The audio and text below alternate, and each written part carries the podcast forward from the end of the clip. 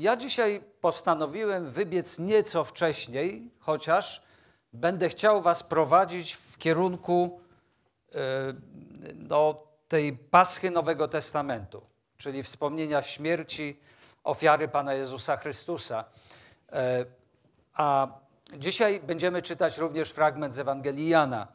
E, tak przy okazji, Ewangelia Jana to jedno z najwcześniejszych opisów życia Pana Jezusa jest to relacja naocznego świadka.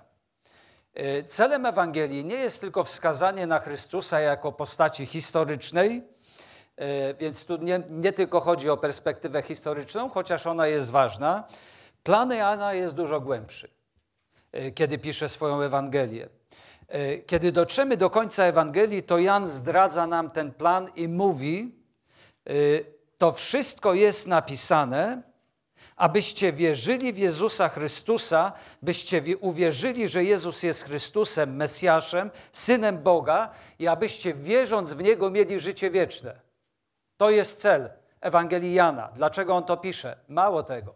To jest również cel każdej Ewangelii, każdej z czterech Ewangelii, które są napisane. Mało tego, to jest, to jest cała Biblia jest po to napisana, abyśmy przez wiarę w Jezusa Chrystusa mieli życie wieczne.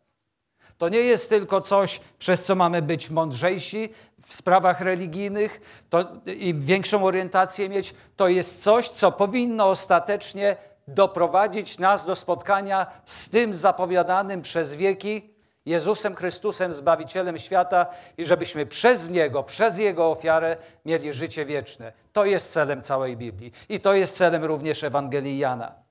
I zobaczcie, że dla Jana wiara nie jest tylko wyjątkową chwilą na początku drogi. Na początku drogi chrześcijanina, w czasie której wchodzi on w relację z Panem Jezusem. Nie, dla Jana wiara jest sposobem na życie. Więcej, dla Jana wiara jest samym życiem, w zasadzie jest sposobem życia. Nie jest tylko chwilą, kiedy stajesz się naśladowcą Jezusa, ale to także droga pielęgnowania swojego osobistego związku z Nim. Coś się rozpoczęło i teraz idziemy. Jak idziemy? Apostoł Paweł w drugim liście do Koryntian potwierdza to i mówi, gdyż wiarą stoicie. Gdyż wiarą stoicie. I dzisiaj przyjrzymy się jednemu z cudów, których dokonał Pan Jezus spośród siedmiu cudów, które opisuje Jan taki troszkę jest oszczędny w opisywaniu cudów Jan, cudów Pana Jezusa, chociaż wskazuje, że tego, co Jezus dokonał, księgi by nie pomieściły i czego nauczał. Więc y, znajduje się on w szóstym rozdziale y, Ewangelii Jana i jest to nakarmienie pięciu tysięcy ludzi. Dla Jana cuda te nie tylko ukazywały moc Pana Jezusa, czy też Jego uzdrawiającą łaskę. Dla Jana były to wyraźne znaki. W ogóle cuda, których dokonał, dokonywał Pan Jezus, już pomijając Jana, kiedy czytamy w jakiejkolwiek Ewangelii, one zawsze coś pokazują, co dzieje się w tej scenerii za, tej, za tą sceną działania, yy, którym ludzie się fascynują. Więc dla Jana to były wyraźne znaki, które miały przypominać ludziom o pewnym aspekcie tożsamości Pana Jezusa Chrystusa. Jan zdecydowanie bezpośrednio wskazuje na to, że Jezus jest Bogiem, na boskość Jezusa. Ale ostatecznie to wszystko ma skłonić to, co Jezus robił, skłonić ludzi, którzy w tym uczestniczyli, którzy też brali jakieś dobro z tego, jak w dzisiejszej historii, y, skłonić ich do wiary w Niego.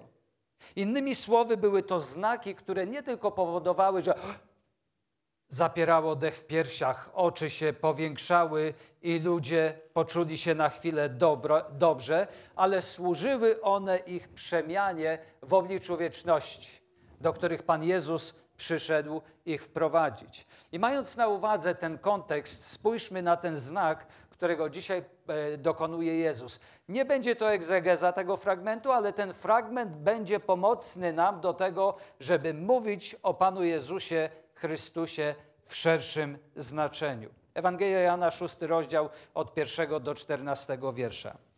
Potem odszedł Jezus na drugi brzeg Morza Galilejskiego, czyli Tyberiackiego, a szło za nim mnóstwo ludzi, bo widzieli cuda, które czynił na chorych.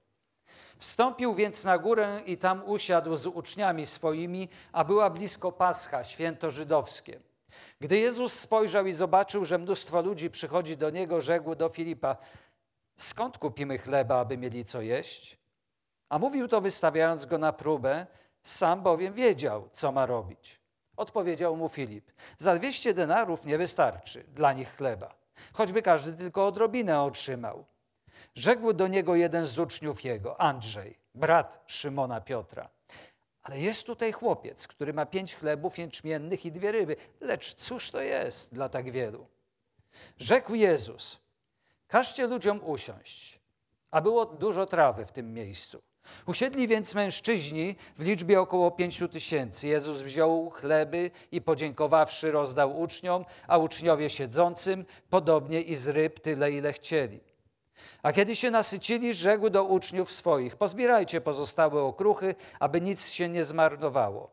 Pozbierali więc i z pięciu chlebów jęczmiennych napełnili dwanaście koszów okruchami pozostawionymi przez tych, którzy jedli. Wtedy ludzie, ujrzawszy cud, jaki uczynił, rzekli: Ten naprawdę jest prorokiem, który miał przyjść na świat. Przez ten cud, przez ten znak, tak jak powiedziałem, Pan Jezus coś im wtedy i nam dzisiaj chce ukazać.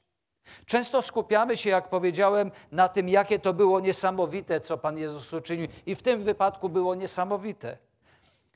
To prawda, było niesamowite, ale jak, y, jak, to, jak to y, Jan podkreśla tutaj, kiedy y, rejestruje ten dyskurs późniejszy, który ma miejsce po tym wydarzeniu, mówi o słowach Jezusa, które on wypowiada za jakiś czas. I Jezus w nich wyjaśnia, dlaczego to zrobił i mówi na to, co, na co wskazuje i jakie to ma znaczenie, co on zrobił przed chwilą. A wyjaśnia nam to krótkie zdanie, które wypowiada w wierszu 35, czyli nieco później i mówi tak, po nakarmieniu tych ludzi, po tej satysfakcji, którą oni mieli w żołądkach i nie tylko, Jezus staje i mówi, ja jestem chlebem. Ja jestem chlebem życia. Wow. To, co zrobiłem, to, co chwilowo wprawdzie docześnie was usatysfakcjonowało, uczyniło sytymi, to teraz chcę wam powiedzieć, kim ja jestem. Ja jestem chlebem życia. Właśnie dałem wam chleb, nakarmiłem was. Jesteście syci, ale chcę, żebyście wiedzieli, że ja jestem chlebem życia. Ten, kto do mnie przychodzi, mówi dalej, nigdy nie będzie łaknął, a kto we mnie wierzy, nigdy nie będzie spragniony. O to tutaj chodzi. Ja na to wam wskazuję. Innymi słowy, Jezus mówi: cud, którego właśnie dokonałem, to nie tylko moja zdolność do zapewnienia posiłku tysiącom ludzi z kilku bochenków chleba i dwóch ryb. Chodzi tu o coś wiele bardziej ważniejszego niż to. Ten cud to znak, który wskazuje Tobie na to, kim ja jestem. Wskazuje Ci, dlaczego przyszedłem. Wskazuje Tobie na to, co robię i dlaczego tutaj jestem i dokąd chcę Ciebie zaprowadzić. Na to wskazuje każdy z moich cudów, z rzeczy, które wskazują na mojego Ojca i na mnie, którego, którego Ojciec posłał. Osiem razy w Ewangelii Jana pada to, co rozpoczyna się tutaj to krótkie stwierdzenie. Przez osiem razy ono później aż do ukrzyżowania idzie. Ja jestem. Ja jestem. I tutaj mówi: Ja jestem chlebem życia. Dla ludzi czasów Jezusa chleb stanowił większą wartość niż dla nas. My dzisiaj w zasadzie mamy wszystko, co, o czym pomyślimy, czego pragniemy, czym chcemy się nasycić. I traktujemy to jako coś, co nam się należy, i w zasadzie myślimy sobie, że to tak zawsze będzie. Wtedy tego wszystkiego po prostu nie było. Chleb był naprawdę sercem posiłku. Ciekawe jest też, że Jezus urodził się w Betlejem. Hebrajska nazwa miasta Betlehem oznacza dom chleba. Chleb życia rodzi się w domu chleba. Chleb życia rodzi się w domu chleba. Jakaż symbolika. Już wskazanie przez ten fakt, kim Jezus jest, a co teraz właśnie mocno podkreśla, i to musi wybrzmieć w nas. Więc Jezus rodzi się, by zaspokoić nasz duchowy głód, nasze pragnienie. Przychodzi ten, którego oczekiwali prorocy. Te, przychodzi ten, którego zapowiadali przez wieki. Oto jest, oto jestem. Przyszedłem, żeby ugasić wasze duchowe pragnienie. Stąd też ta metafora chleba, porównanie do chleba. Stąd też właśnie ten przedtakt nakarmienia tysiąc, tysięcy ludzi. Chleb z nieba przyszedł, żeby ofiarować nam życie. Idźmy dalej. Chleb reprezentował wszystko, co było potrzebne do życia. Chleb był w centrum niektórych z najważniejszych narracji Starego Testamentu. Przytoczę tylko kilka. Pierwszym chlebem, który stał się znakiem błogosławieństwa, był chleb ofiar, ofiarowany Abrahamowi przez Melchizedeka. Pamiętacie? Chleb i wino. Melchizedek wychodzi i wita Abrahama po raz pierwszy. Widzimy to połączenie chleba i wina. Następny obraz, gdy Bóg wyprowadza Izraelitów z niewoli egipskiej i gdy są na pustyni w drodze do ziemi obiecanej. Ci ludzie byli wyczerpani z głodu, nie mieli jedzenia i co się dzieje wtedy? Oczywiście pomijam fakt, że narzekali, jak to często się zdarzało, ale byli głodni i co się dzieje? Bóg zsyła im chleb z nieba. Bóg zsyła im chleb z nieba, daje im mannę i każdego dnia manna leżała na ziemi. Zbierali ją tyle, ile potrzebowali i jedli. Byli przez nią wzmocnieni i mieli siłę, by kontynuować swoją wędrówkę. To ciekawe wydarzenie. Nie mamy więcej czasu, żeby o tym mówić, ale przejdę, przejdę do kolejnego przykładu. To rola, jaką odegrał chleb w przybytku. Tabernakulum było miejscem, gdzie Izraelici oddawali cześć Bogu. Przychodzili tam, by pozostawać w bliskim kontakcie z Bogiem. I jednym z elementów wyposażenia w przybytku było to, co nazywamy ołtarzem chleba pokładnego lub stołem obecności.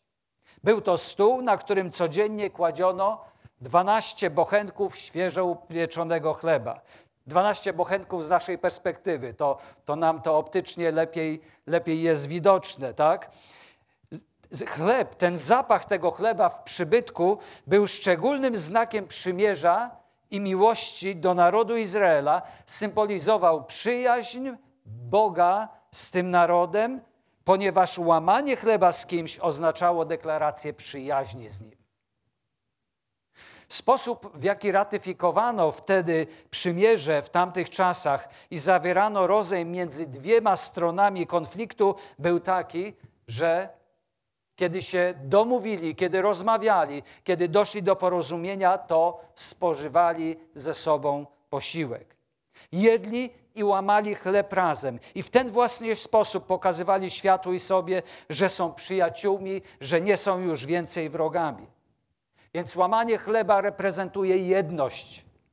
Łamanie chleba symbolizuje pokój, symbolizuje y, y, y, związek, związek właściwy, bliski, pełny, bezpieczny.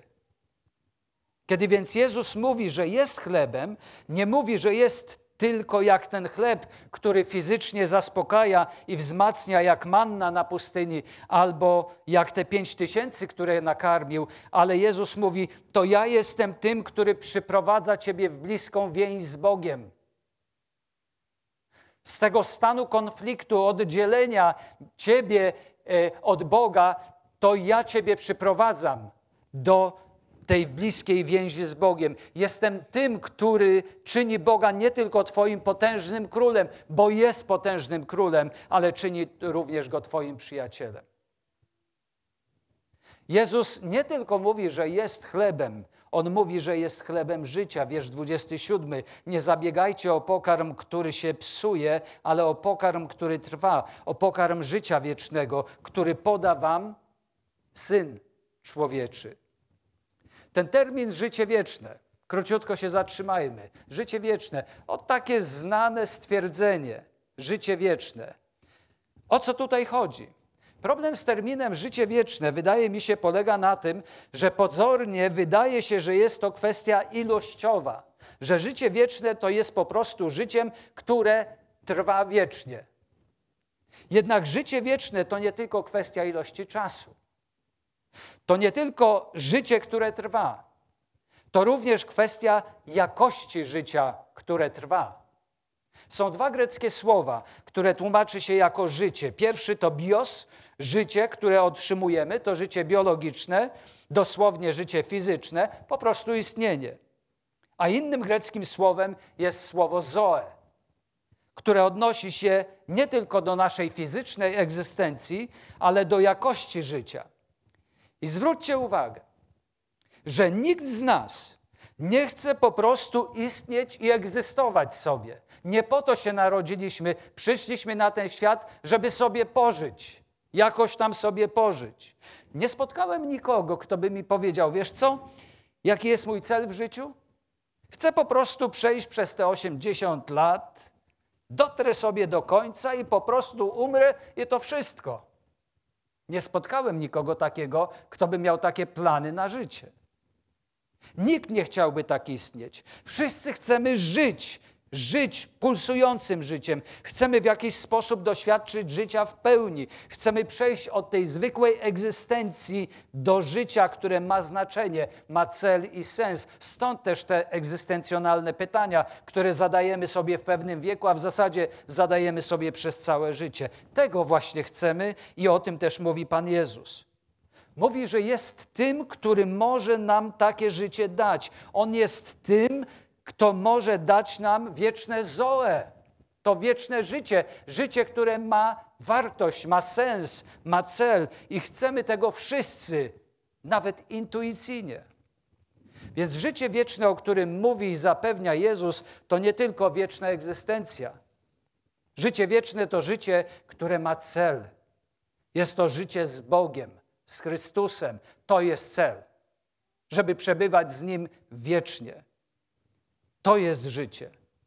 Jest jeszcze inna rzecz, którą Jezus przypomina nam o tym wiecznym zoe, o tym wiecznym życiu. Przypomina nam, że nie musimy czekać, aż umrzemy. Taka, takie stereotypowe myślenie jest, że to trzeba, trzeba pójść do ziemi, czy trzeba po prostu umrzeć, żeby Zobaczymy, ale żeby przejść do życia wiecznego. No tak się wydaje, bo, bo śmierć jest tym progiem. Więc y, Jezus mówi, że nie musimy czekać, aż umrzemy, by go doświadczyć. I mówi to w wierszu 35. Mówi tak: Ten, kto teraz do mnie przychodzi, ten, kto przychodzi do mnie, nigdy łaknąć nie będzie, a ten, kto teraz we mnie wierzy, nigdy nie będzie spragniony. Jezus mówi: Przyjdź do mnie, uwierz we mnie i to wszystko dam Ci teraz.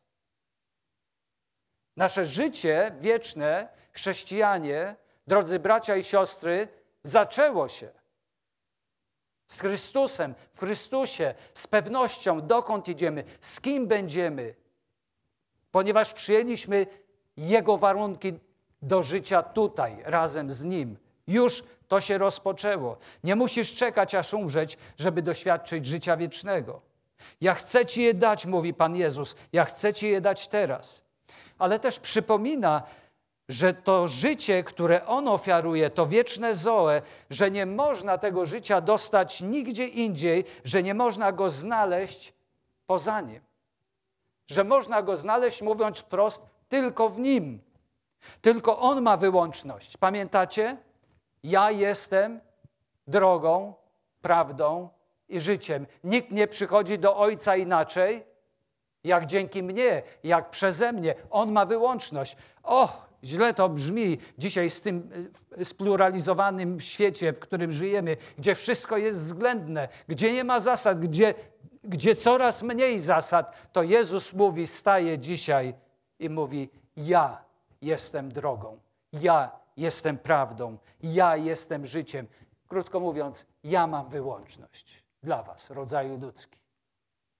Ja mam wyłączność na życie, które będzie Was satysfakcjonowało, które poprowadzi Was do miejsca przeznaczenia, które Bóg miłujący zamierzył dla Was, dla swojego stworzenia. Życie, które On ofiaruje, możemy dostać i znaleźć tylko w Nim. Jeśli więc próbujesz szukać życia, tego wypełnienia, tego wewnętrznego człowieka, bym powiedział obrazowo, swojego ducha, w innym miejscu, to Pan Jezus mówi: rozczarujesz się, to się zepsuje, to nie przetrwa, to nie ma sensu.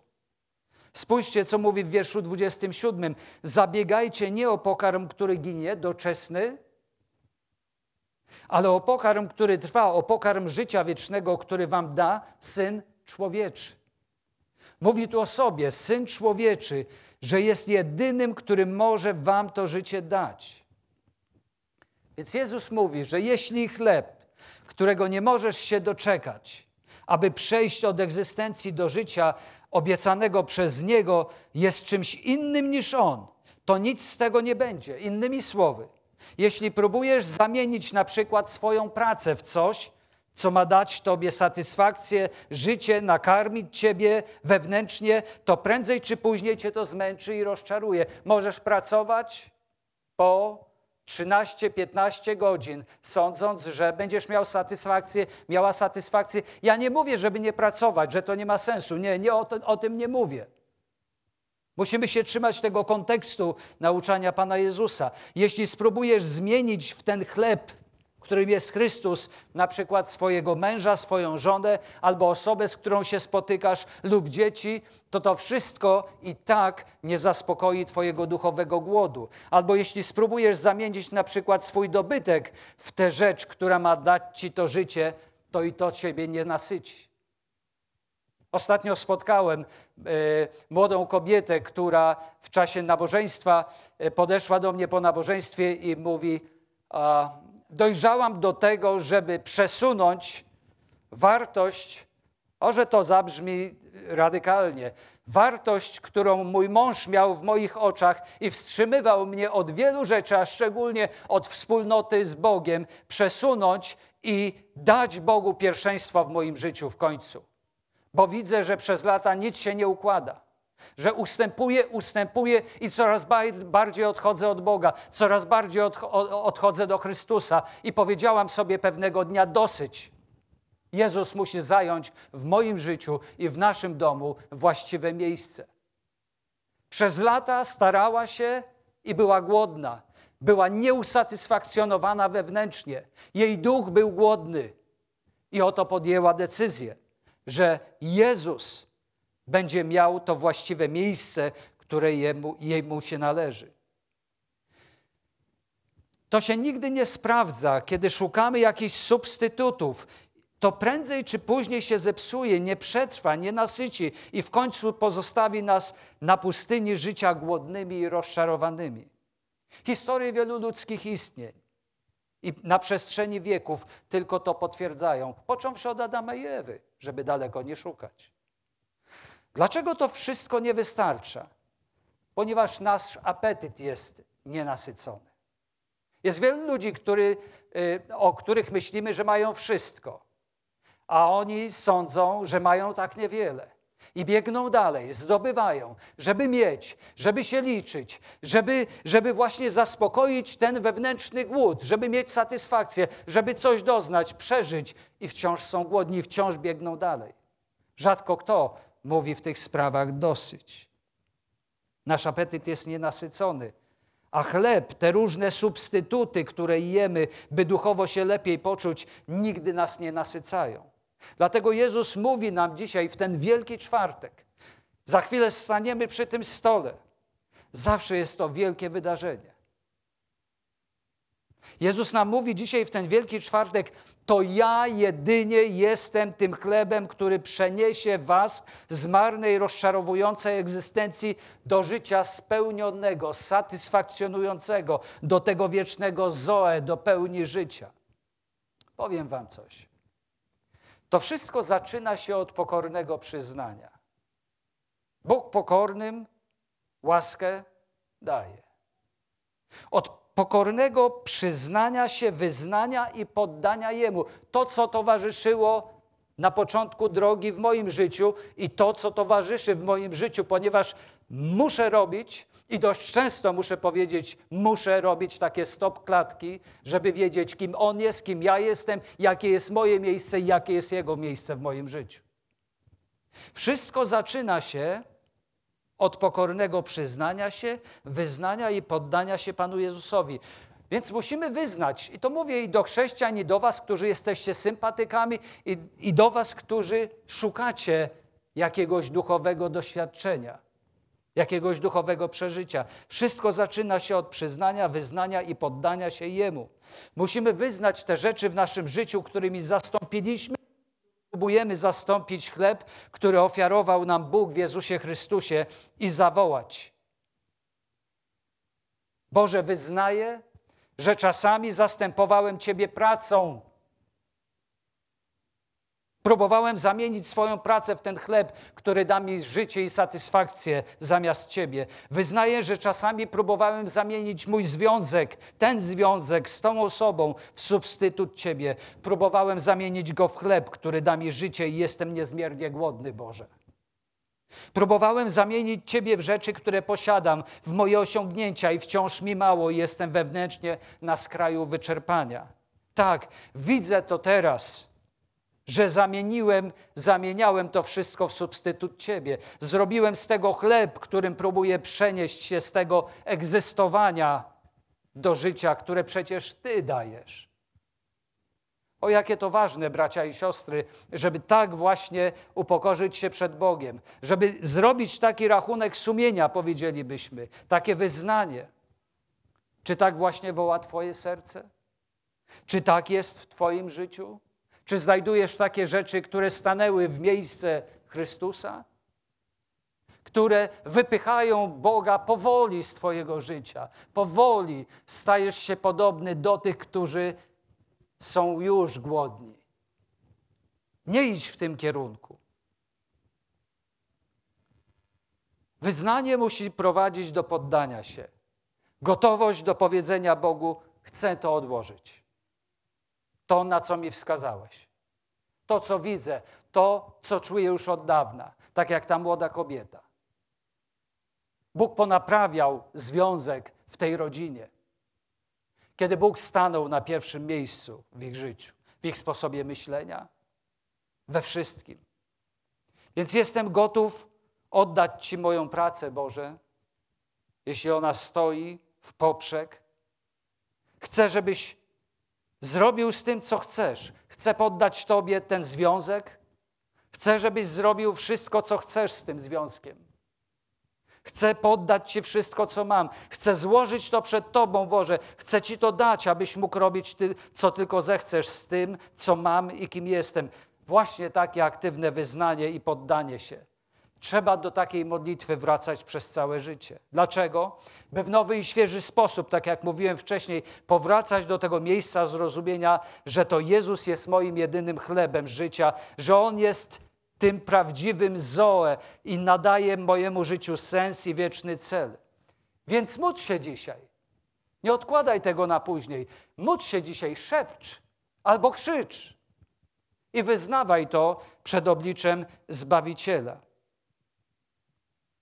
Wyznawaj wszystko, co przeszkadza Ci w przyjęciu Go jako chleba życia, które daje Ci przebaczenie i życie wieczne. Za każdym razem, gdy przystępujemy do wieczerzy pańskiej, i zaraz będziemy to robić. Przypomina nam to, że Jezus jest chlebem życia. Ciekawe odnośnie chleba jest to, że jeśli chleb pozostaje cały, nienaruszony, możesz na niego patrzeć, możesz go wąchać, ale za jakiś czas umrzesz z głodu, jeśli chleb będzie nienaruszony. Jedyny sposób, aby chleb przyniósł to zoe, jest taki, że musi być on złamany, rozdarty, przekrojony. I w ten sposób chleb jakby oddaje się nam i przynosi to życie. Kiedy Jezus mówi: Ja jestem chlebem, to właśnie mówi: Ja jestem Bogiem, który został złamany dla Ciebie, za Ciebie, abyś Ty nie musiał tego złamania doświadczyć, abyś mógł być uzdrowiony i nasycony. To ja byłem chlebem rozdartym na strzępy, abyście Wy mogli ożyć. Byłem gotowy umrzeć, abyście Wy mogli żyć. Oto co oznacza, że Jezus jest chlebem życia. Spróbuj, doświadcz go. Pan Jezus tej nocy, kiedy był wydany, zanim został wydany i siedział tam z uczniami, właśnie na tej kolacji paschalnej, jest powiedziane, że wziął chleb i złamał i pobłogosławił i powiedział: Bierzcie, jedzcie i mnie wspominajcie. Oto chleb życia przyszedł do nas, bracia i siostry. Ten chleb życia poddał się pod wolę Ojca, został złamany, rozerwany z naszego powodu, dla nas, dla naszego zbawienia, abyśmy mogli się karmić tym chlebem, karmić się w każdym czasie, żebyśmy mogli wyrzucać z życia te substytuty i wołać do Niego: Zmiłuj się nade mną, Ty, który oddałeś swoje życie za mnie, abym mógł żyć, abym mogła żyć.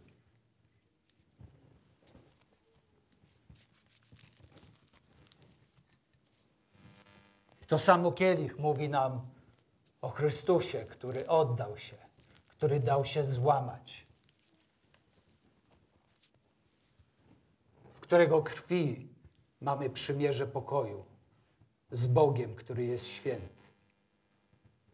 Zapraszam Was dzisiaj, którzy macie świadomość, macie przekonanie, że jest to Wasz stół, bo Jezus Chrystus stał się Waszym Panem i Zbawicielem.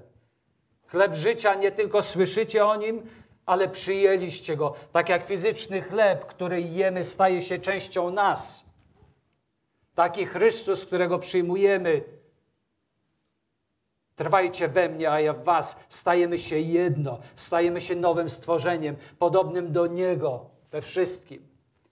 Więc zapraszam braci pastorów, którzy razem ze mną będą usługiwali wam, a wy módlcie się i ci z was, którzy przyjęli Jezusa Chrystusa jako swojego Pana i Zbawiciela. I najlepiej, jeśli zanurzyliście się w Chrystusie, w chrzcie, w tej, w tej symbolicznej śmierci, ale i faktycznej śmierci, przyjdźcie, bo to jest wasz stół. Ci z was, którzy nie mieliście odwagi do tej pory, żeby wyznać Jezusa Chrystusa, modlę się głęboko o to i gorąco, abyście wyznali Go swoim Panem i Zbawicielem, ponieważ to będzie i wasz stół. Więc osądzajmy, oceniajmy samych siebie i tak z tego chleba jedzmy i z kielicha tego pijmy.